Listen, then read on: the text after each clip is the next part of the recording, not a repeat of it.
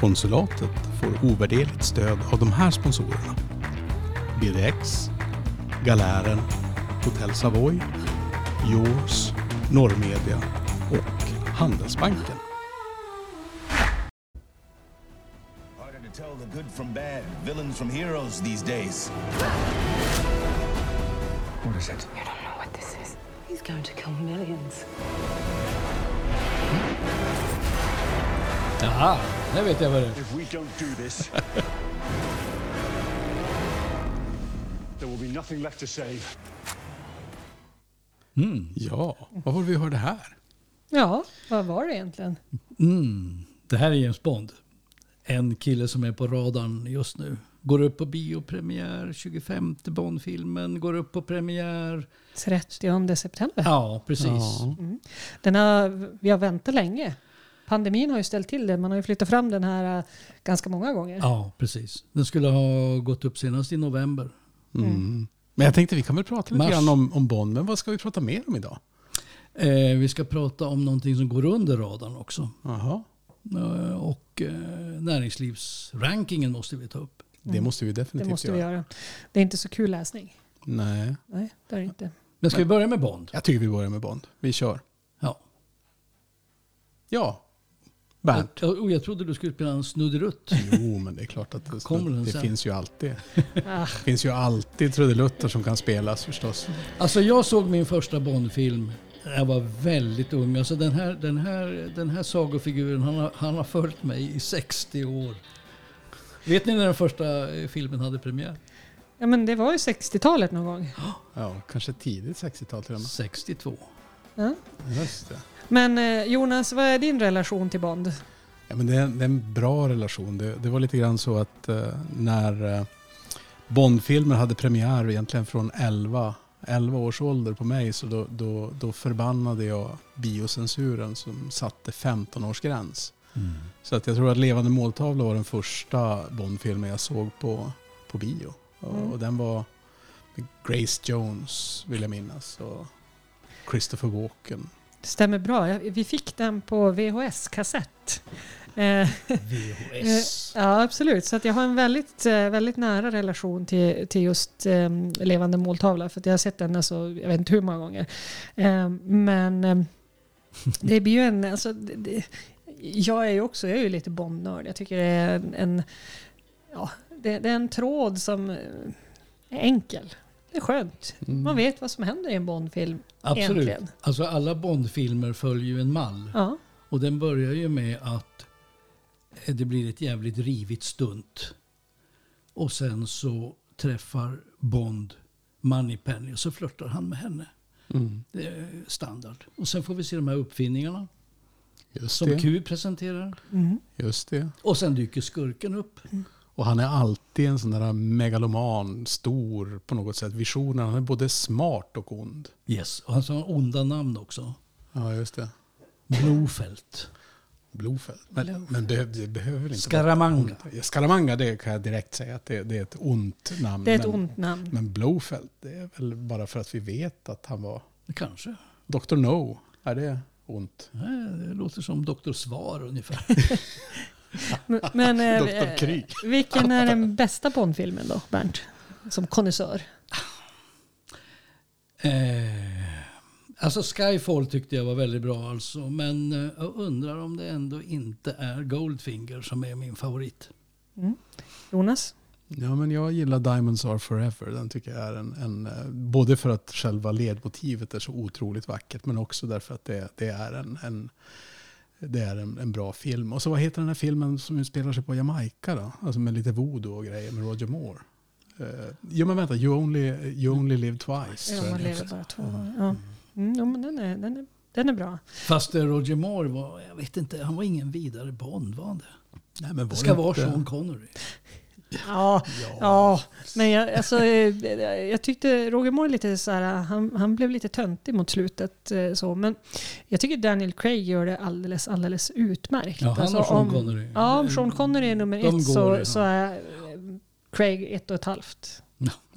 Är det på det sättet? Eller, eller sju. Ja, Ja, Ja. eller sju. Men det är väl också så att det, det är så osannolik figur någonstans. Jag, jag såg att en, en annan eh, thrillerförfattare som, som ju har skapat, eh, tror jag, de här eh, om det är Born Identity eller om det är, alltså det är någon annan sån här eh, grej med, med inte den som Tom Cruise spelar. Eh, vad heter den? Ja. Alltså, i, i, Inte Mission Impossible inte utan... Jack Reacher. Just det, Jack Reacher. Där, där författaren säger någonstans att, att för författaren är ju britt och säger att James Bond sitter ju hopplöst fast i någonting som är helt i det förgångna. Och det, det är konstgjord andning varje gång, verkar det vara som ett uttryck. Men Men James Bond är ju en otroligt reaktionär och konservativ figur.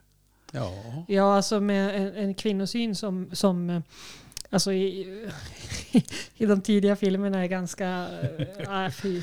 Det, det, det, det är inte fagert, så kan vi väl säga. Ehm, Det, har väl, det är väl det man har fått jobba med kanske mest nu under de sista åren, att få det på något vis alltså, anständigt. Nu ryktas det ju om att den här nya filmen, där eh, Alltså Bond har gått i pension. Det ryktas ju om att en kvinna nu har tagit över det här kodnamnet 007. oj. Och det skulle inte förvåna mig alltså om de håller på att uppdatera både hela kan säga, filmens content och, och, eller kontext och även eh, genusreformeringen. Alltså, snart kommer det dyka upp vegetarianer och Ja. eh, metoo-frågor och sånt där i James Bond-filmer. Jag tror det är nödvändigt. Eller, ju- eller en homosexuell Bond. En homosexuell Bond skulle... Men, men jag tänker, de, de försökte ju, det var ju naturligtvis 20 år för sent, men, men bara detta med att, att låta brittiska, eh, en av de absolut största brittiska karaktärsskådespelerskorna spela Bonds chef. Det är klart att det var ju en... en Judi Dench. Judi Dench. Judi Dench. Och Ja. Dame Judi Dench är det till. Ja, Yes. men sen också den, den komplexa relationen som, som var mellan Bond och eh, M var ju också väldigt... Eh, eh, ja, men det var ju intressant och det var det som gjorde liksom att Skyfall, tycker jag, blev så bra. Också att den, den, den fanns där och den var... Ja, det var... Det var Stort drama. det var, det var drama, absolut. Sen är ju Judi Dench eh, svinbra i den rollen. Mm. Eller var, hon dog ju i rollen. I, I rollen ja, jo, precis. Eh, Men, men det är väl också en sån där svårighet som Bond hade, som de enda, eller Bond-filmerna. Alltså att eh, tidigare så var det ganska lätt att dra upp eh, ska man säga, kalla kriget-mentalitet och det, man skulle lätt kunna klä motståndarna i, i, i tydliga kläder och det fanns alltid Sovjetunionen och det fanns... Eh, och så när det föll, ja vem ska vara skurken då? För det är klart att de har ju aldrig gjort skurken till att vara Sovjet. Men de har alltid byggt på att kalla kriget är en förutsättning för Bond. Ja. Ja. Eh, nu, nu, är det väl, nu är det väl nätet som är våran fiende. Mm. Eh, Som lite pandemitema fast de knappast visste det när de spelade in filmen. För den spelades väl in för premiär 2020. Ja, Ja. absolut. Så, Det- ja. Ja, men, ska ni gå och se den? Absolut. Ska den ses på bio? Absolut. Ja, Jonas? Bondfilmer måste ju ses på bio. Jag tror att jag har, jag har gjort Det är ingen, undantag. du får inte ta fram, du får ingen VHS-rulle på Nej, det den Nej, nej men ingen kan ni, heller. om jag skickar ett barn till er vardera så kan jag, kan jag ta med mig mannen och gå på bio då? Absolut. Absolut. Så gör vi så. Perfekt. Ja, men det är ju perfekt. Och, och det är väl också så att ledmotivet till den här Bondfilmen är ju lite annorlunda. Det är Bill Eilish som, som sjunger in den och texten är lite, lite speciell. Eller vad, Mm, men vad spela. säger No Bernt? time to die. No time to die. Och den, den handlar om känslor i mycket, mycket mera utsträckning. För Sean Connery som Bond visade ju inga känslor. Men i, i förra filmen, där grät han för första gången. Nej, men det var, Eh, var, I Skyfall var det. Nej, i Skyfall. Ja, inte i Spectre. i- och det, precis, i Skyfall. Det är 2012. Mm. Då gråter han för första gången. Och vet ni vad? Att det välsignade påven och Vatikanen. Oj. Så Bond är ju stor. Alltså. Ja, men det måste man ju säga. Det är en, men vi har lite, lite från ledmotivet. Mm.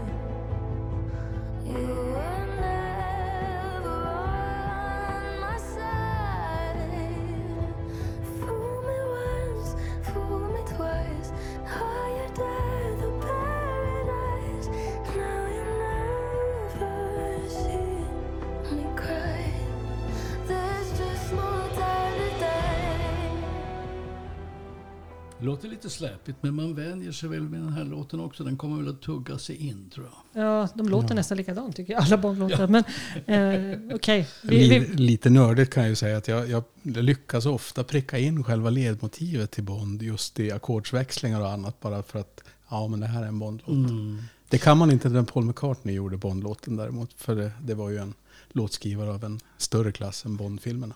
Om jag får sticka ut. nörderi, vi lämnar Bond och så sen eh, tar vi det som flyger under radarn. Ja. Eh, och vad skulle du säga att det är Bernt? Ja, alltså, eh, jag har tänkt mycket på det här med stadsomvandlingen i Kiruna. Att det har ställt en annan stadsomvandling i skuggan. Och det är den som har pågått i Gällivare i, i princip i 40 år. Eh, och när man hör talas om, om, om Gällivare så snackas det nästan alltid bara om dundret. Alltså att det går dåligt för dundret. Eller dundret har gjort en nystart. Eller, eh, ja, det har gungat mycket med dundret. Och dundret har eh, försökt att konkurrera med Alperna. Och, och så är man tillbaka på backen igen. Och nu tror jag man har hittat kanske rätt modell. Nu ska man ju bli en kanonanläggning för vintersport för norra Sverige. Och, och Ja. Det låter som någonting som eh, är, är mera liksom... Som är de det, kommer att är det mer lagomt eller? Ja, jag tror det. Ja. Jag tror det. Du tycker att Sverige känns lite mer gripbart än Alperna? Sådär som en första anhalt. Ja, men jag tror det här med liksom, eh, man behöver liksom inte börja med att locka hit japaner och folk från hela jävla världen. Utan gör någonting som funkar här hemma. Och, och jag tror att eh, dundret funkar bra nu så, med, med den här modellen. Men om, om vi återgår till stadsflytten då. Vad, vad, vad känner du? Alltså, jag, jag håller med. Jag tycker också att, att eh, Gällivare har flugit mycket under radarn. Det har ju hänt eh, nu har ju den pågått betydligt längre, alltså Malmbergets utarmning och, och, och Gropen. liknande. Gropen. Precis. Men nu är ju fokushusen borta Ja. och, och det blir väldigt, eh, ja, jag vet inte, känslomässigt påtagligt kanske. Mm. Men, men vad tycker du det är som gör att det flyger under radarn?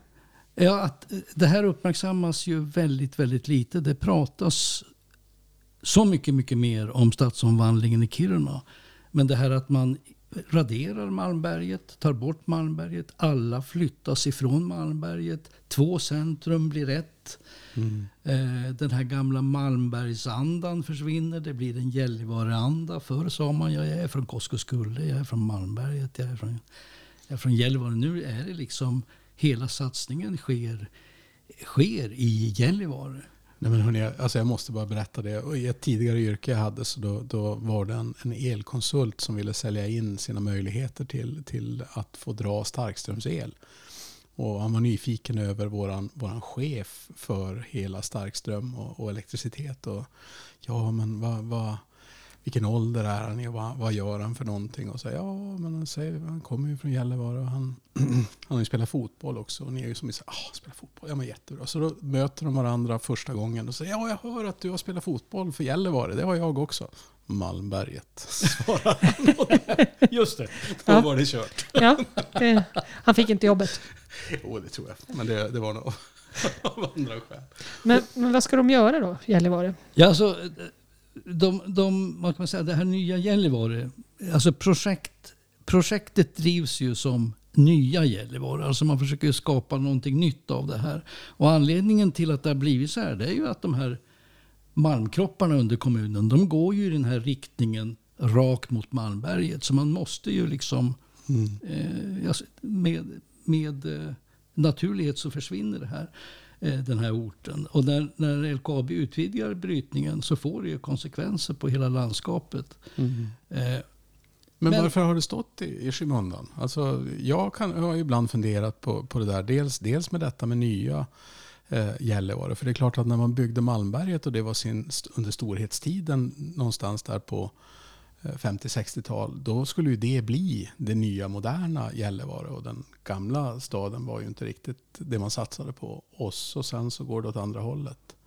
Och så kan jag ha en känsla av att i LKAB systemet någonstans så, så är det klart att Kiruna är ju en större, större del av LKABs totala verksamhet och det, det blir lätt att det finns fler som jobbar i Kiruna och fler som jobbar som tjänstemän i Kiruna. Jag vet inte. du har, men i Gällivare har du en gruva till. Ja men så är det ju. Boliden Aitik. Som ju är världens största gruva i sitt slag. det finns ju ingen större, det finns inget större dagbrott för kopparbrytning än vad Aitik är. Inte i Europa i alla fall. Men, men tillbaka till din fråga. Alltså vad beror det på att Gällivare går under radarn hela tiden? De är ju, de är ju förtjänta att vara på radarn. Ja, Mm. verkligen. Men jag tänker, de måste ju upp på radarn nu. För att, ja, men pratar man nu hybrid som placerades i Gällivare så kommer det ju att ge, alltså det är ju stora utmaningar för Gällivare. För att, eh, det är ju jättesvårt att hitta en bostad Mm. i Gällivare. Vem ska bygga? De bygger ju jättemycket. Man bygger ju åt alla håll i Gällivare just nu. Ja, inte mot Malmberget förstås. Men man bygger åt alla möjliga håll. Och Vassaure vid sjön, Vassaure bygger man ju. Man bygger ner mot, mot eh, foten av, dun, eh, av dundret. Jättevackert. Eh, och alla som har bott i Malmberget ska väl bo i Gällivare. Så det ska fram en jäkla massa Mm. Det bostäder. ska fram ja. bostäder för de som flyttar därifrån. Men sen ska det ju Ja. fram för de som ska flytta, Flytta in. dit. För vi Ja. Mm. behöver ju, det behöver ju flyttas in folk dit. Och um, vad jag förstår så huspriser och liknande i, Gällivare, de är inte att förakta. Så Mm. sitter du på en, en, en schysst, ett schysst hus eller en villa i Gällivare så då, Då sitter du då sitter du bra till. Och det är klart att när man bygger någonting så då, då får man ju dessutom en skriande, ska vi säga, faktisk lokal inflation i hur mycket pengar kan man ta ut av företag som behöver sovrum för det som är byggnationer med mera. Så att då står ju marknaden still. Det säljs inte så mycket hus som det kanske borde. Nej, Eller byter ägare. nej men precis. Så att eh, det, ja. Jag pratade med en, eh, en Gällivarebo här apropå det här vätgaslagret man ska bygga. Eh, och han sa att det vätgaslager ni ska bygga i Luleå det blir i jämförelse som en kaffetermos. Oh, Och då kände vi igen Retoriken. kust- Mal- Malmfälten Yes. mot kusten. ja. ja, men det är skönt. Nej, men jag, tror mycket, jag tror mycket på Gällivare. Jag tror mycket på det här med nya Gällivare. Jag, jag lyssnade på en näringslivsfrukost häromdagen. Alltså där eh, Roger Hansson, näringslivschefen, var med och många andra. Man har alltså börjat med att jobba med något som man kallar för det nya platsvarumärket för Gällivare.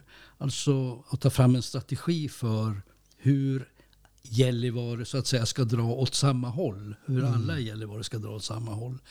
Eh, nu har man bara börjat med det här men det visar ändå liksom att man förstår problemet.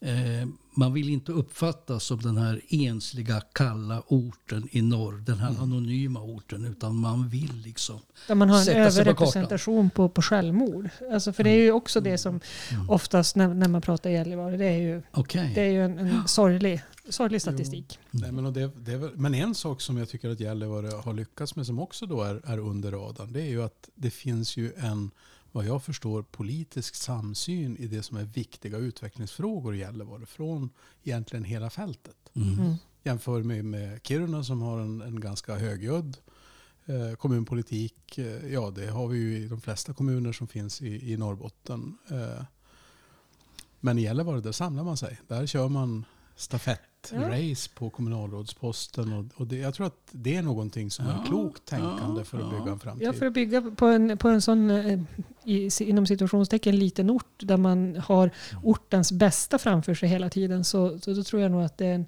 klar framgångsfaktor. Mm. Så man har, eh, Gällivare har ju förutsättningar, både industriellt så att säga med två stycken jättegruvor, man har hybridprojektet, Mm. man har ett ganska spirande litet småföretagande, Eh, Man bygger en ny stad med nya bostäder och så vidare. Man ligger vid Malmbanan, man har bra vägar. Alltså, det är som att det finns väldigt många plus. Men då blir man ju faktiskt jäkligt förvånad när man läser den här näringslivsrankingen. Ja, Och ser att Gällivare ligger på plats 254.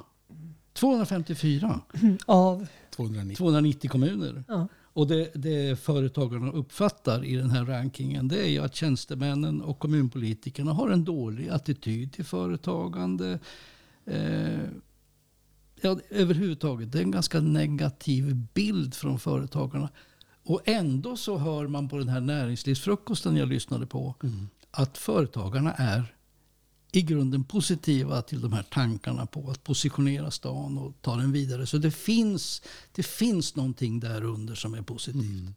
Där kan man kanske säga då att just Gällivare, med tanke på det som, det som också Malin nämnde med att, att hybridprojektet kommer att, att hamna i Gällivare så ska man ju bygga ett näringslivsklimat eh, inriktat inte bara på de företag som redan råkar finnas där utan på de som man verkligen vill locka dit sig. Alltså detta med att attrahera både företag och kompetens till, till en ort. Det är ju nyckelfrågan. Och det är klart att börjar man i Gällivares position så då, då hoppas man ju att den enda vägen är upp förstås. Ja, det tänkte man ju. Och det tänkte man väl kanske om Luleå också när man såg eh, den här rankingen förra året. Men hips vips så var man 70 platser ner. Mm. Eh, och hur är det möjligt kan man ju fråga sig. Mm. Ja.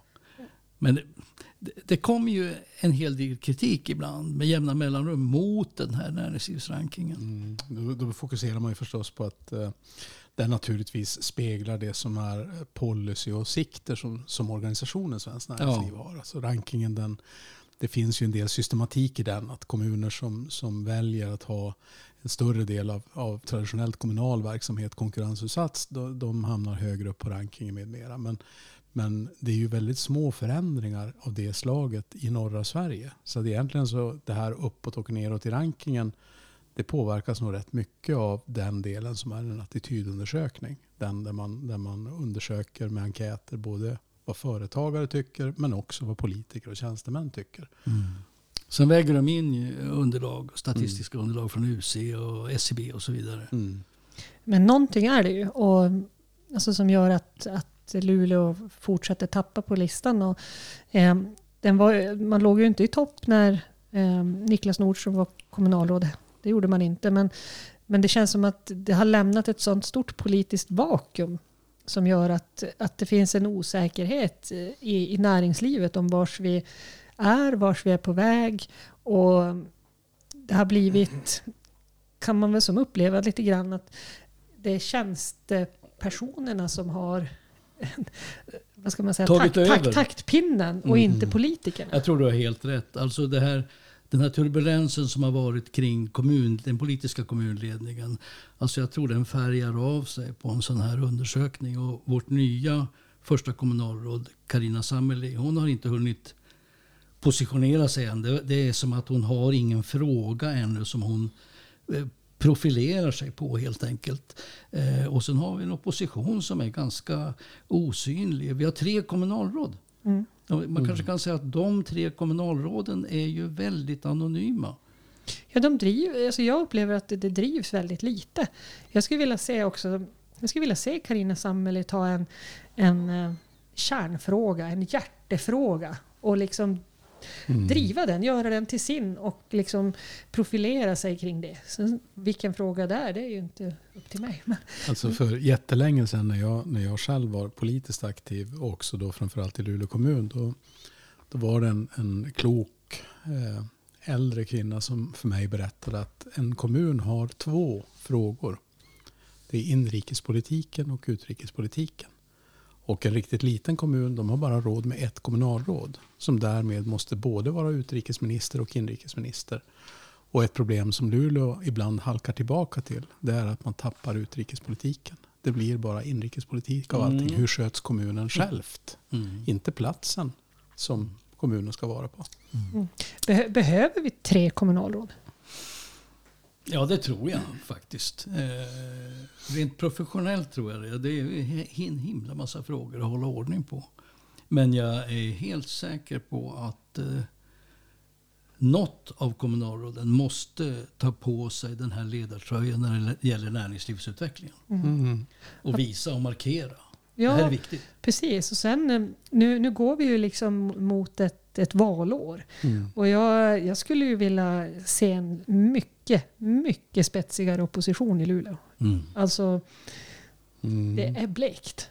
Men, men det är klart att en sån debatt, den, den, då måste man ju också hitta ett antal sakfrågor som man ska debattera om. Exakt. Därför att det, om, man, om man nu ser, jag, jag tittade på, på Facebookflöden lite grann inför vår sändning. Eh, och då, då såg jag att reaktionerna på det vi pratade om nyss, näringslivsrankingen, den var så se där, säger oppositionen. Oj, så vad dåligt det var.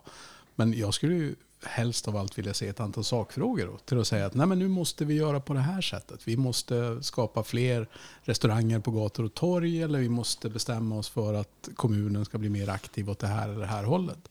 Men en, alltså en politisk debatt som bara går ut på förslag som kommer från en tjänstemannaorganisation som per definition då plockas upp av majoriteten och kritiseras av oppositionen. Det är ju så förutsägbart så att man somnar ju lätt.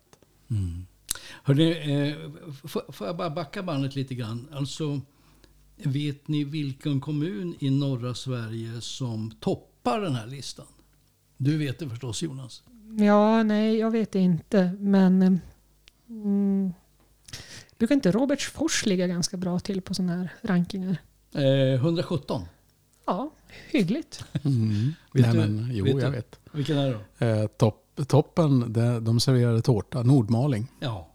De är på plats 52. Ja, och Bjurholm 54. Alltså, eh, så kommer Norsjö. Och, Ja, Nors, Norsjö måste man Norsjö, säga. förlåt. Förlåt. Eh, förlåt alla Norsjöbor. eh, och den, den kommun i, Norrbotten som toppar, det är Boden som ligger på plats 68. Och det, det jag tänker när jag läst hela den här listan och tittat på den, det är ju att ungefär de tio kommuner som toppar den här, de toppar den år efter år efter år. Det är Vårgårda, det är Solna, det är Välling, Vällinge och allt vad de heter. Alltså eh, mycket Gnosjöanda över de här kommunerna. Eh, men kommunerna i Västerbotten och Norrbotten ligger ju alltid på den nedre halvan. Alltså vi är alltid på något sätt i division 4. Och de där tio jag snackar om, de spelar kanske i allsvenskan. Och sen så kommer det en, en liten jäkla serie med division 1 eller division 2. Sen är det som att det finns ingen division 3. Utan resten av Sverige är division 4. Så vi måste ha ett erbarmligt företagsklimat i Sverige när man tittar på den här listan. Ja, men sen tänker jag att nu, nu har vi ju, alltså jag menar Bodens eh, placering där 68, det får man ju anse eh, Hyggligt. hyggligt bra. Hyggligt. Och då har vi ju en jättefin möjlighet. Och då är det ju bara liksom för alla de här eh, andra kommunerna som ligger i botten, det är bara att ringa till, men du, ta- till Claes i Boden. Ja, det kan de göra. Men ta, ta till exempel Northvolt-staden, Skellefteå. Plats 204. Alltså man undrar lite grann, hur är det möjligt? Alltså varför ger företagarna i Skellefteå kommunen så in i vassen dålig kritik? När det faktiskt händer så mycket. De har byggt ett superbt, bygger ett superbt kulturhus mitt i stan. Invigt och klart Mm. Eh. Man satsar enormt på infrastruktur och vägar och dittan och dattan och och liksom ska rekrytera folk. Och, alltså det händer så mycket i Skellefteå. Och de är på plats 204. Är det så att vi är så in, vi, vi, har, ett, vi har en ingrodd eh, missnöjdsamhet som vi inte kan släppa liksom? Är det någonting sånt? Jag vet inte. Mm, Jag tror vi ska, ett sätt att kunna kolla det, det är att se de, de här frågorna om attityder. För det är klart att attityder kan inte förändras år för år. Eller de kan ju det i en ranking. Men i, i själva verket, i den verkliga verkligheten, så tror jag ju inte att attityderna från företag gentemot tjänstemän ändrar sig från 2020 till 2021. Möjligen om man själv har råkat ut för någonting, men, men, det- de rör sig nog lite Ja, långsammare. det, jo, det är långsammare svängningar. Men det är ju där, det är ju där bland annat, eller bland andra, det är där bland annat Luleå får så mycket kritik. Det är ju alltså Luleå kommun. Alltså att företaget är dåligt därför att företagarna anser att våra kommunpolitiker och ledande tjänstemän har en negativ attityd till företagande.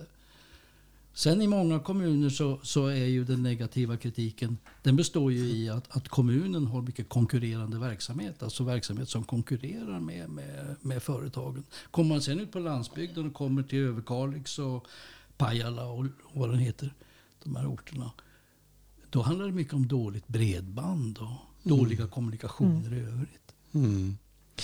Ja, jag har ju svarat på enkäten. Så att, Yes, du har svarat, så Ja. du är en delmängd i det hela. Vi ja, är- jag, väljer att inte säga hur jag svarar. Nej, Och så nej. fick, nej, du gör det.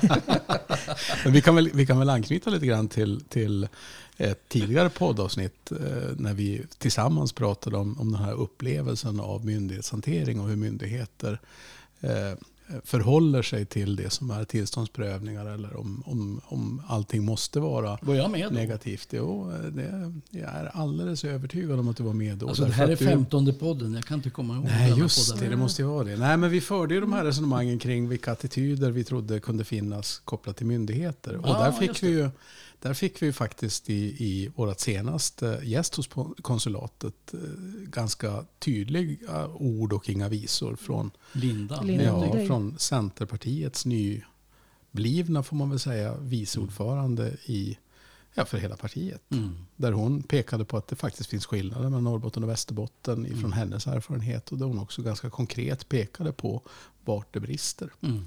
Ja, hon var ganska hård skulle jag säga. Ja, så alla ni som har råkat missa och lyssna på det kan ju naturligtvis gå tillbaka för det finns ju överallt där poddar Lyssna finns. på avsnitt 14. Ord och inga visor med Linda Modig. Ja, precis.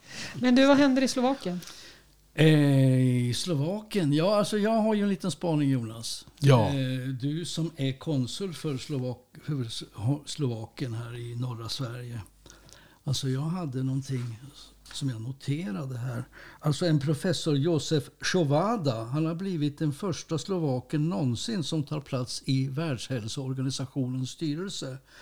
Och det här har ju fått eh, ministern för eh, utrikeshandelsministern för Slovakien att gå ut och meddela stolt att Slovakien nu ska hjälpa till att medverka till en hälsosammare och mer hållbar framtid för hela mänskligheten. Det, är- vad säger du om det du? Jo, men alltså jag, tycker att, att, jag tycker att när man kliver in i ett uppdrag, då ska man, då ska man Damma på nation, Då ordentligt. ska man damma på ordentligt. På, och, det, och det är väl lite grann, jag menar Slovakien, för, för er som inte är där så hemskt ofta, lyssnare eller, eller eh, podd, eh, poddkamrater, så Slovakien har ju ungefär samma befolkningsstorlek som Finland. Det är ett land mitt i Europa med, med 5, någonting miljoner invånare. Och det är klart, de satt i FNs säkerhetsråd eh, för om det var fem eller sex år sedan. De, de, eh, nu finns de Men det är också ett land som går lite grann under radarn. Men vi lyfter ju dem här för att de också ska få vara med. På Ja, just, vi, just vi lyfter ju Slovakien ovanligt mycket i förhållande till andra svenska poddar skulle man kunna Så, säga. så skulle man kunna säga. Men de har ju varit, lirat mycket fotboll också. Ja. Det har de. Det har de. Och eh, svenska damlandslaget eh, slog ju dem givetvis. Mm. Och, eh, trots Men de att- kämpade väl va? Visst gjorde Det gjorde de. Det gjorde de. vad, Men vad blev, alltså, hur, var det en 1-0 dominans? 1-0 till Sverige. 1-0 till Sverige, precis. Okej. Men Men speglade spelet det? Alltså med tanke på att Sverige är, svenska damlandslaget är rankat två i världen och Slovakien 45 så borde vi väl ha vunnit med 12-0. Ja, fast jag har fått förklarat för mig, jag, jag ska säga ärligt att jag är ingen expert på fotboll, men jag har fått förklarat för mig att i fotboll, det är den enda sporten där typ ett division 4-lag kan vinna mot ett eh, Serie A-lag. Mm, det. Eh, och det är ju för att det, det är en väldigt, väldigt Defensiv taktik. Ja, här, här hade man kunnat säga andra ord också, men jag väljer att säga defensiv taktik. Absolut. Jo men har det inte varit så att vi har haft några, några undrar svenska jag, lag vad som- tänkte du säga? Det undrar vi alla. Att, att det är lite tråkigt. Ja, alltså man kan det. liksom, man kan ja. liksom Ja, ja. Med, med att spela jättetråkigt så kan man vinna jättemånga fotbollsmatcher. Vi, vi ska väl lägga till då från, från konsulatet att vår officiella hållning är ju inte att fotboll är en tråkig sport. Däremot så men kan man, man kan spela, spela tråkigt. Man kan tråkigt. spela tråkigt. Man kan spela väldigt tråkigt. Ja. Sen vill vi väl inte säga att Slovakien spelar tråkigt. Nej, det vill vi inte Nej. säga, men, men, man kan göra Man det. kan säga. Vi är tillbaka om några veckor. Jo, det är vi faktiskt. Tack så mycket för att ni har lyssnat. Tack.